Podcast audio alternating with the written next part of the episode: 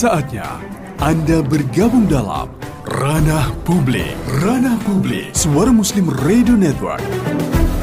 Sampaikan opini Anda. Telepon 031 5624 555. WA 0855 3000 938. Live chat channel YouTube Suara Muslim TV. Dipersembahkan oleh suaramuslim.net. Mitra Muslim, frasa agama yang tidak ada dalam draft visi peta jalan pendidikan 2020-2035 menjadi sorotan masyarakat. Draft peta jalan pendidikan memuat visi pendidikan 2035 bunyinya seperti ini.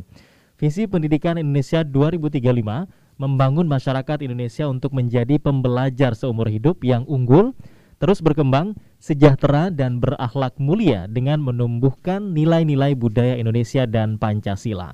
Sorotan datang dari sejumlah sejumlah ormas Islam, Komisi Pendidikan di Parlemen Pusat hingga para politisi. Kemudian Mendikbud Nadiem Makarim pun kaget perihal polemik ini. Dalam rapat, rapat kerja bersama Komisi 10 DPR RI pada 10 Maret yang lalu, Nadiem mengatakan ini adalah poin yang menurutnya penting untuk disampaikan, sangat singkat tapi sempat ada polemik mengenai frasa agama dan pertamanya saya cukup bingung dengan polemik ini. Tapi ternyata kata Nadim frasa agama penting untuk beberapa unsur masyarakat. Ya sudah, nggak apa-apa, kita masukin lagi, kata Nadim. Jadi nggak ada masalah, case close untuk mengenai hal ini. Dan kalau misalnya dari aspirasi masyarakat, kata agama itu yang penting dalam frasa itu, ya kita silakan masuk di dalam peta jalan pendidikan nasional. Jadi tidak masalah, tidak perlu panik, tidak perlu menciptakan polemik, kita terbuka dan tidak ada keinginan untuk hal-hal yang tidak baik. Nah, mitra musim tentu kemudian ini adalah draft ya ke, dan dapat polemik kemudian dimasukkan lagi oleh Pak Menteri ini. Sebagian orang kemudian menganggap sebenarnya ada masalah apa sih dengan draftnya atau dengan konsepnya atau bahkan justru dalam pikiran atau visi dari Kementerian Pendidikan dan Kebudayaan untuk negara kita ataupun juga untuk generasi kita yang akan datang. Baik, kita akan diskusikan pagi hari ini dalam program Ranah Publik di balik tanda kutip hilangnya frasa agama dalam peta jalan pendidikan nasional. Ranah Publik. Ranah Publik.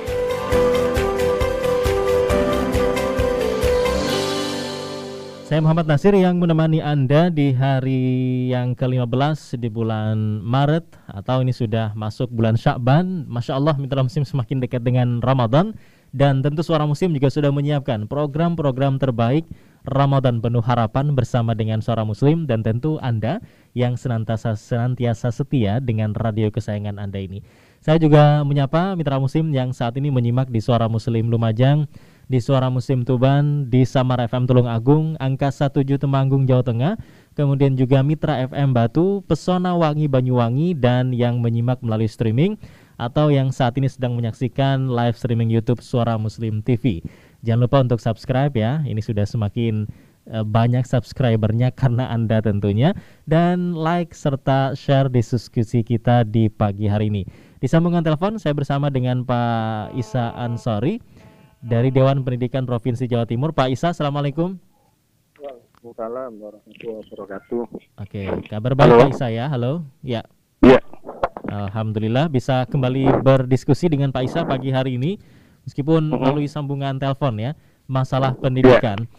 Pak Isa, ini sebenarnya kalau mendengar dari penjelasan uh, Mas Menteri Nadiem Makarim, case close, kasus sudah di close menurut beliau gitu ya, kasus ditutup karena akan dimasukkan kembali. Tapi sebenarnya tanda kutip hilangnya frasa agama itu seberapa penting menurut para uh, pengamat pendidikan dan juga kita sebagai bangsa Indonesia? Nah sebetulnya gini, uh, kalau bicara secara substantif ya kan, uh, ada beberapa hal yang substantif itu kan tidak bisa kita lepaskan dari tradisi budaya kita. Hmm.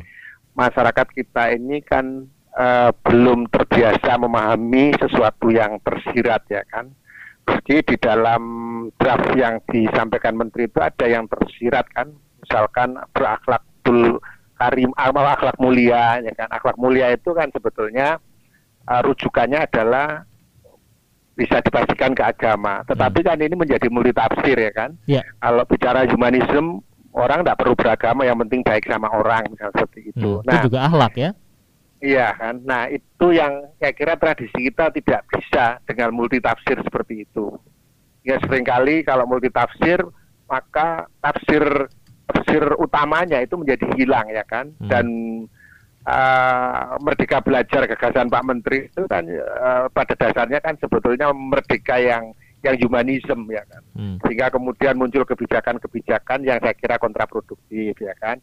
Nah menurut saya uh, akan uh, menurut saya bagus kemarin ketika beberapa ormas ya baik itu NU Muhammadiyah ya kan hmm. yang kemudian uh, menolak ya kan menolak apa yang disampaikan peta jalan peta jalan pendidikan kita itu hmm. yang tanpa menyebutkan kata agama karena memang memang masyarakat kita tidak terbiasa dengan bahasa-bahasa yang tersirat sehingga perlu ditegaskan dalam bentuk yang tersurat. Hmm. Ya kalau tersurat itu sudah tidak multitafsir lagi dan siapa pun yang melaksanakan ya sudah kembali pada apa yang tertulis itu. Hmm. Nah saya kira uh, perkembangan-perkembangan bahwa bahwa akan ada perubahan itu kan memang sering kali kan kita itu test the water dulu ya kan. Oke. Okay. Kita lemparkan dulu kalau tidak ada protes, jalan terus. Tapi kalau ada protes, uh, baru kemudian uh, permintaan maaf dan hmm. sebagainya. Saya kira yang perlu yang perlu kita dorong terus adalah kekritisan masyarakat ya kan. Hmm. Apa pun yang dikeluarkan oleh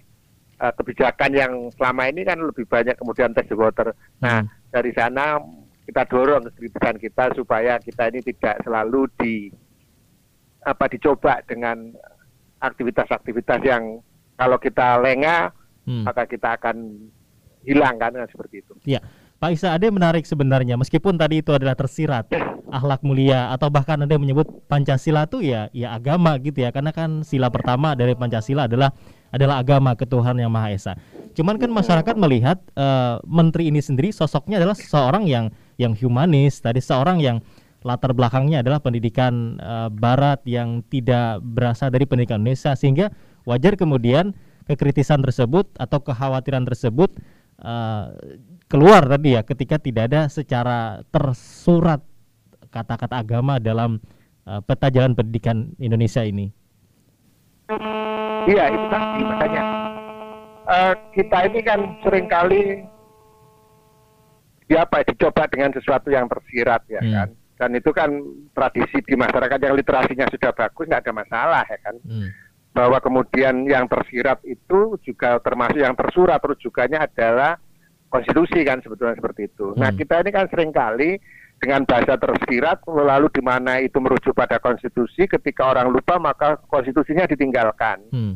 nah saya kira itu tadi kejelian kita kekritisan kita menjadi sesuatu yang penting untuk mengontrol ya kan pendidikan ini. Karena menurut saya begini, pendidikan itu tidak sekedar proses belajar mengajar, tapi di sana ada proses persemaian ideologi, ya kan. Hmm. Nah ideologi kita apa? Ideologi kita itu adalah Pancasila, ya kan, dan itu sudah menjadi sepakat, kesepakatan, ya kan.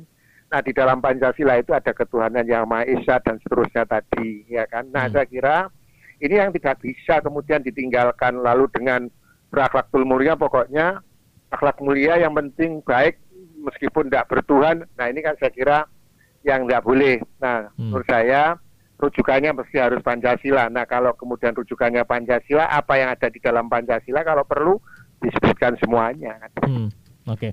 Apalagi kalau kita lihat nih penjelasan dari Pak Nadim dalam raker bersama uh, Komisi 10, beliau mengatakan kalau misalnya dari aspirasi masyarakat bahwa kata agama itu yang penting dalam frasa itu ya silakan kita masukkan dalam uh, peta jalan pendidikan. Kemudian dalam uh, pernyataan yang lain dia mengatakan ternyata frasa agama itu penting untuk beberapa unsur masyarakat. Dalam artian sebenarnya apakah Pak Menteri ini ingin menghilangkan kata agama itu ya agar semuanya umum dalam uh, pendidikan kita. Padahal sebenarnya dari undang-undang pendidikan kan untuk menghasilkan uh, siswa-siswa ataupun juga masyarakat yang beriman dan bertakwa. Itu tentu adalah unsur dari agama.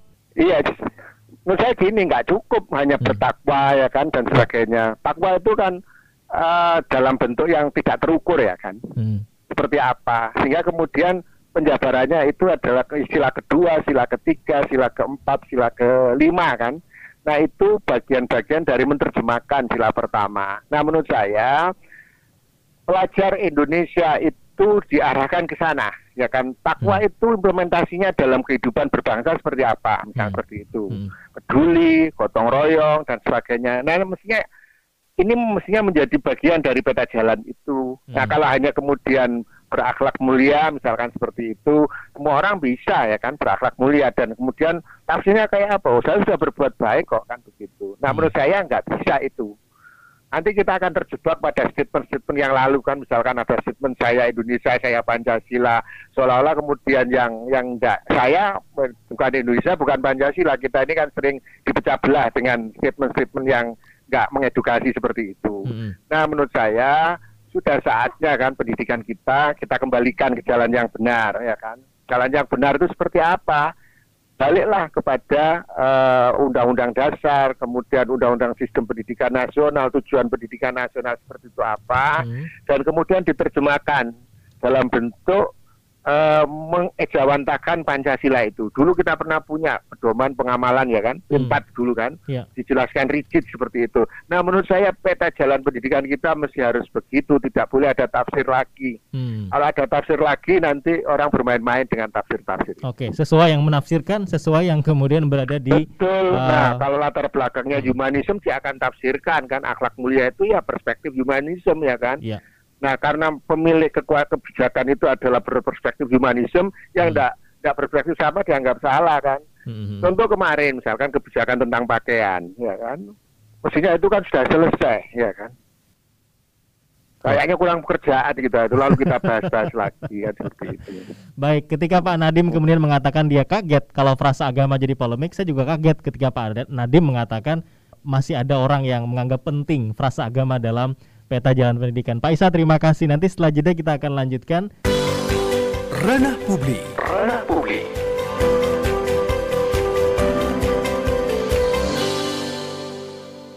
Baik Pak Isa ini ada ada komentar dari uh, pendengar. Yang pertama Bu Ria di Pakis. Uh, Assalamualaikum Mas Nasir, Waalaikumsalam. Selalu tes water katanya. Kita jangan lelah untuk berisik, terus awasi karena umat Islam masih ada. Terima kasih Bu Ria. Kemudian di live uh, komen ya di chat uh, live streaming ada Pak Tohari yang menyampaikan saya harap ini direvisi kembali karena ini sekularisasi di bidang pendidikan. Pak Alif Tohari di Dukun Gresik. Terima kasih Pak Alif sudah bergabung. Dan tadi juga Pak Isa menyampaikan sebenarnya kalau uh, yang tersirat seperti ini kan memang tidak disebutkan agama tapi tersirat ada akhlak mulia dan lain sebagainya itu sesuai dengan yang menafsirkan. Nah, sehingga tadi ada yang menyebut ini tafsirannya bisa sekuler. Gimana Pak Isa? Iya tadi itu karena tidak ada rujukan yang jelas kan ya kan. Hmm. Karena tidak ada rujukan yang jelas, maka kemudian silakan ya kan, silakan uh, mau menafsirkan dari sudut agama boleh, dari sudut kebijakan yang diinginkan oleh Pak Menteri juga boleh. Tapi persoalannya kan yang kemudian menjadi rujukan kan yang mesti dari kebijakan itu sehingga kemudian dikhawatirkan hmm. apa yang tidak sesuai dengan kebijakan yang tertulis itu kemudian dianggap salah ya kan hmm. nah kasusnya kan sudah cukup banyak kemarin itu misalkan tentang pakaian seragam pakaian seragam itu kan sebenarnya sudah selesai ya kan hmm. tapi kan kemudian karena ada kebijakan dari salah satu kabupaten yang terlalu apa terlalu over ya kan lalu kemudian muncul direspon dengan uh, surat kebijakan. Saya kira kan tidak perlu seperti itu karena hmm. sudah selesai kan, hmm. sudah selesai semuanya sehingga menghargai setiap orang untuk menjalankan keyakinannya itu kan sudah berhenti di situ sehingga kemudian tidak boleh ada pemaksaan di mana pun ya kan. Hmm. Nah, saya kira kembali pada draft yang lebih tinggi ya kan peta jalan ini kan akan menjadi sebuah peta jalan pendidikan kita sampai berapa tahun ke depan kan seperti itu. Nah, ya. kalau kemudian ruhnya itu adalah ruh yang jauh dari konstitusi, ruh yang jauh dari Pancasila, uh, boleh jadi nanti semakin semakin ja, semakin waktu, semakin tambah tahun akan semakin jauh dan Pancasila itu akan menjadi hilang dan itu kalau kemudian menjadi hilang hmm. ini ancaman bagi negara mau dikemanakan. Padahal kalau kita bicara pendidikan itu sehingga kan kita pahami pendidikan itu bukan sekedar proses belajar mengajar tadi ya kan. Hmm. Saya memahami pendidikan itu sebagai proses persemaian ideologi. Nah melalui pendidikan itulah sebetulnya bangsa ini menyemai mau diarahkan ke mana masyarakat Indonesia lewat pendidikannya seperti itu. Hmm. Ya harus jelas ya kan di teks pendidikannya itu eh, apa dan undang-undang dasar, undang-undang sistem pendidikan nasional, tujuan pendidikan nasional itu sudah jelas semuanya. Nah, kenapa enggak pakai itu saja? Jangan sampai kemudian pakai yang baru lalu ditafsirkan ini masuk itu nggak bisa seperti itu. Oke, jadi harus jelas tidak boleh multitafsir karena ini adalah untuk jangka waktu yang panjang. Kalau kita lihat 2020 sampai 2035 15 15 tahun ini Pak Isa untuk uh, roadmapnya atau peta jalannya dan selama 15 tahun kita tidak tahu nanti uh, rezim yang bergulir kemudian siapa yang jadi menteri, siapa yang duduk di uh, stakeholder yang berkuasa di sana yang sangat tentu mengkhawatirkan kalau jadi tidak jelas uh, ideologi ataupun ataupun uh, agama yang disampaikan di sana. Terima kasih Pak Tohari. Itu yang kita Hmm. khawatirkan. Oke, justru itu yang kita khawatirkan. Kemudian tadi Bu Ria di Pakis, terima kasih sudah bergabung. Pak Isa, ini sebenarnya peta jalan pendidikan eh, fungsinya nanti kalau dibandingkan dengan eh, undang-undang atau peraturan eh, menteri, peraturan pemerintah sep- seperti apa nih? Ini akan jadi blueprint kan. Blueprint. hmm. Ini akan jadi blueprint arah pendidikan kita itu akan ke mana. Nah kalau blueprintnya dan disahkan sudah seperti itu, ya jangan salahkan nanti kan bahwa eh, 10 tahun, 15 tahun lagi wajah ya kan, wajah bangsa kita, wajah anak-anak kita yang sudah bertumbuh menjadi dewasa itu menjadi wajah yang yang kemudian sangat liberal ya kan. Hmm. Sangat yang penting orang itu eh, yang penting orang itu baik. Nah, perspektif baik itu kan kemudian eh, rujukannya tidak lagi menjadi rujukan nilai-nilai agama ya kan, Hmm. yang kemudian diterjemahkan dalam nilai-nilai Pancasila tadi, tapi itu kemudian bisa menjadi nilai individu ya kan. Hmm. Oh saya sudah baik sama orang, saya sudah taat. Ini saya sudah baik kan seperti itu. Kalau kemudian semuanya seperti itu, nah wajah Indonesia akan menjadi seperti apa? Ranah publik. Ranah publik.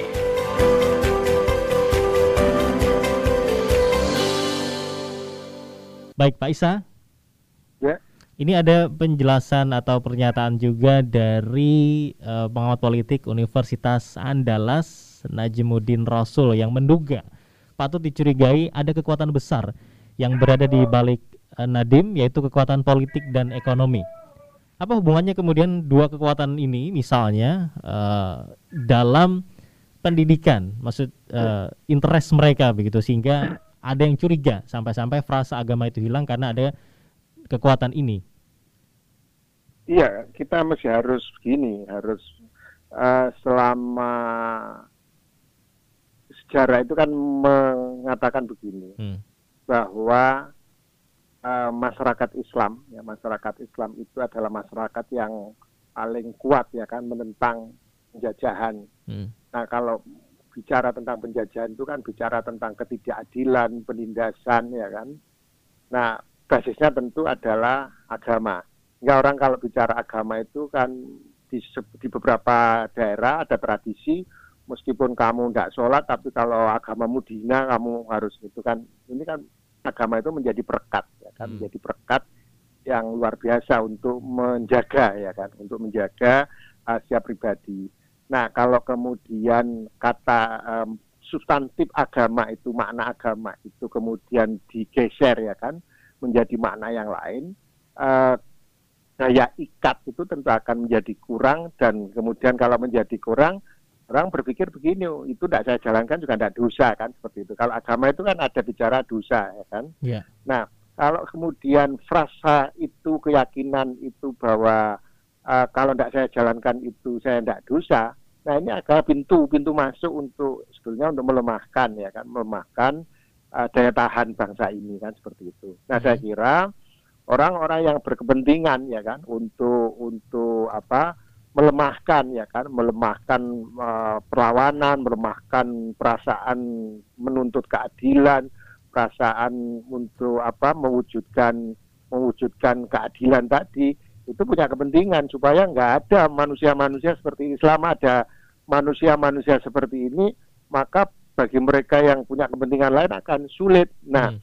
pintu masuknya lewat mana? Pintu masuknya adalah pendidikan, ya kan? Artinya begini, eh, generasi muda itu diajari eh, untuk kemudian meski saya tidak melakukan tidak dosa. Nah, Ya. cara berpikirnya menjadi pragmatis. Nah, kalau kemudian pendidikan kita itu uh, me-endorse terus-menerus ya kan, uh, cara berpikir seperti itu, kita kembali kayak dulu ya kan, komunis itu mengajarkan mintalah pada Tuhan permen ya kan. Hmm. Ada.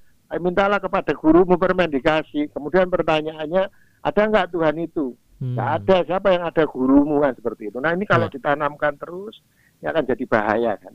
Oke. Baik, itu sangat bahayanya gitu ya.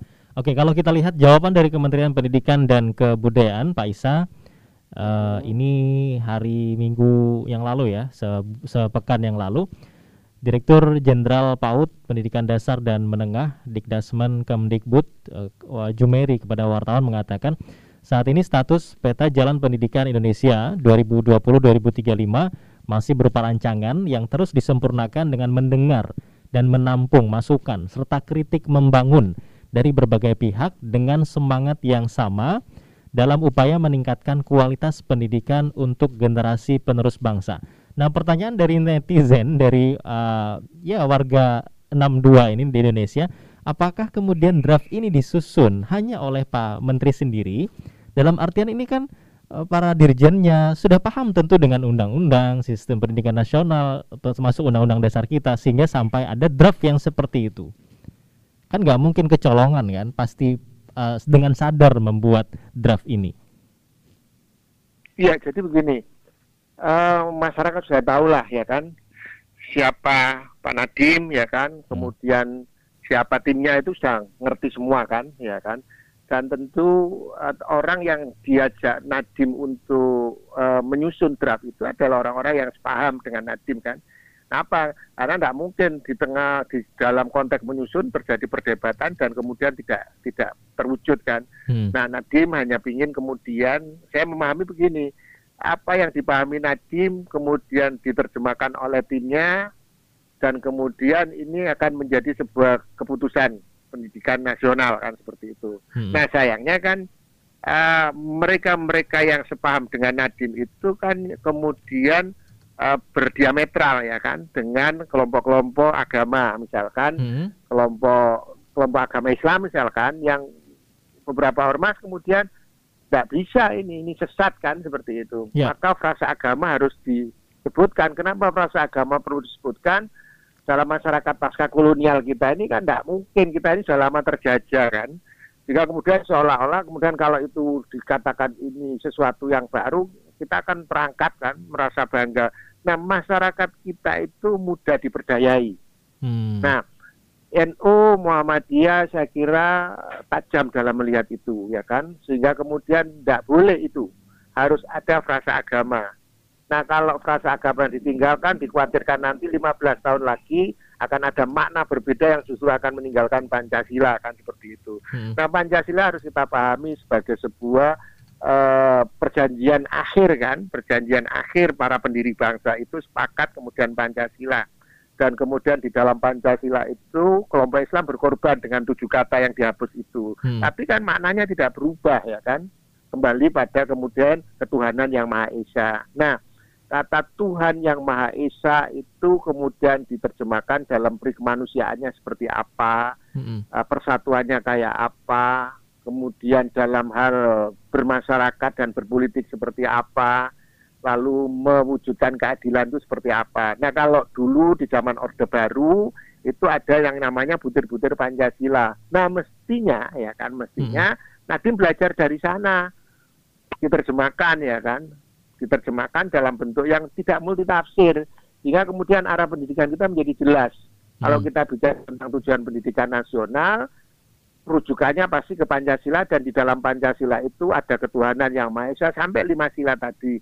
Nah, detailnya kayak apa? Saya kira itu yang perlu diterjemahkan. Oke, iya. Dan ini kalau melihat dari track record beliau yang eh, tahun lalu juga memasukkan program organisasi penggerak dari perusahaan rokok, kemudian kita lihat dengan sehingga wajar ada yang melihat ada kekuatan ekonomi politik di sini. Sebagian orang kan mengira gitu ya, Pak Menteri ini tidak akan lama begitu menjabat sebagai menteri karena begitu banyaknya kontroversi yang dia lakukan ataupun juga yang terjadi karena kebijakan-kebijakan beliau. Nah, terakhir dengan peta jalan pendidikan nasional yang mendapatkan kritikan ini, apakah kemudian memang harus Pak Isa dalam artian uh, ormas-ormas besar yang selama ini juga sudah punya pengalaman yang panjang dalam mengurus pendidikan di Indonesia untuk paling tidak memberikan uh, masukan atau tausiah secara langsung kepada menteri ini agar nanti dalam kebijakan berikutnya tidak melakukan blunder-blunder yang seperti ini. Ya, saya kira tetap Mas Ngaji hmm. gini, uh, daya kritis kita tetap harus uh, nalar sehat kita masih harus tetap kita jaga ya kan, agar apa? Uh, kita ini kan sering kali uh, ada pembegalan-pembegalan. Dulu ada ya tanya tembakau yang hilang ya kan, hmm. banyak lah kan kita ini kan belajar dari sana, jangan sampai kemudian ruh bangsa ini lewat pendidikan itu kemudian menjadi hilang ya kan, dan sekarang upaya untuk untuk melemahkan itu uh, berjalan sangat sistematis, berjalan sangat masif ya kan, hmm. lewat kebijakan-kebijakan. Dan saya kira ini kan uh, tidak berdiri sendiri kan. Ya. Ada banyak uh, elemen yang punya kepentingan yang sama, bagaimana kemudian Indonesia yang yang elok ini, Indonesia yang kaya ini, kemudian kalau kemudian dijarah tidak uh, ada perlawanan sama sekali. Hmm. Nah, saya kira agama menjadi penguat, hmm. menjadi apa ya? Agama menjadi uh, bagian dari iman ya kan. Orang mengatakan cinta negara itu ya kan, seperti itu ya kan. Nah, saya kira ini yang akan menjadi menjadi barrier untuk orang nggak boleh macam-macam terhadap uh, Indonesia, orang nggak boleh macam-macam terhadap bangsa ini. Hmm. Nah, untuk bisa membangun, mendidik jiwa pembelaan itu lewat pendidikan dan pendidikan itu mesti harus kita jaga tidak boleh lagi ada multi tafsir apalagi hal-hal yang tersirat ya yang kemudian justru akan melemahkan kan Oke, dan itu memang harus terus dilakukan oleh masyarakat yang kritis terhadap kebijakan-kebijakan yang Ya, saya kira kita berharap pada hmm. seluruh komponen masyarakat, terutama ormas-ormas agama, lebih khusus lagi ormas-ormas Islam yang punya kepentingan ya kan mm. untuk kemudian tetap menjaga Indonesia itu sebagaimana yang di, yang dibangun oleh para pendiri bangsa ini. Mm-hmm. Ya, terakhir ada diksi yang menarik dari yang kita lihat dari berita-berita yang muncul, Pak Isa tentang hal ini. Tadi kan uh, Menteri Nadim mengatakan dia sempat kaget ya karena ada polemik Kemudian dari Majelis Ulama Indonesia juga kaget karena tidak ada nilai agama. Dari iya. Muhammadiyah bertanya-tanya kenapa sampai itu hilang ya. Bahkan dari politisi mengatakan jangan alergi agama uh, itu melanggar konstitusi dan draftnya harus diganti dan juga dicabut. Ini sebenarnya ada nggak sih yang nggak kaget dengan hal ya, seperti justru, ini? Justru Nadim kaget kan karena selama ini kan dia jarang berdialektika kan beliau ini kan uh, datang dari sesuatu yang jauh ya kan dari hmm. frasa pendidikan ya kan hmm. yang sebelumnya apa pun yang dia inginkan harus dijalankan kan sebagai orang tidak tidak setuju silakan pergi kan seperti itu hmm. nah tentu ketika terjadi proses dialektika ini sebuah tradisi yang tidak pernah di dijalankan oleh Nadine kan tradisi dialektika dan sebagainya. Padahal di dalam pendidikan itu tradisi ini menjadi sangat penting kan seperti itu. Hmm. Nah, saya kira Pak Jokowi presiden perlu melihat kembali ya kan bahwa pendidikan itu adalah tradisi dialektika. Tidak mungkin kebijakan-kebijakan disusun sepihak lalu kemudian kalau ada dialektika kata kuncinya kaget dan minta maaf dan akan kita perbaiki. Hmm. Bangsa ini tidak boleh begitu terus. Semuanya harus di ditata lebih awal lebih baik kita itu bertengkar di awal ya kan yang endingnya jadi bagus hmm. jangan sampai di awal kelihatan manis-manis yang kemudian terjadi kegaduhan-kegaduhan nah selama Nadim ini kan kegaduhannya cukup banyak sekali hmm. ya. sehingga ya. menurut saya ini harus disudahi dan presiden sangat tahu bagaimana cara menyudahi kegaduhan-kegaduhan hmm. ini Baik, karena ini adalah draft untuk peta jalan pendidikan nasional, bukan aplikasi yang ada versi beta dan lain sebagainya, Pak Isa ya. Bisa dicoba ke iya. user berapa ratus ribu orang, kemudian kalau bagus dilanjutkan. Oke, terima kasih Pak Isa untuk diskusinya pagi hari ini. Semoga saya selalu bisa diskusi lagi di lain kesempatan. Assalamualaikum. Waalaikumsalam.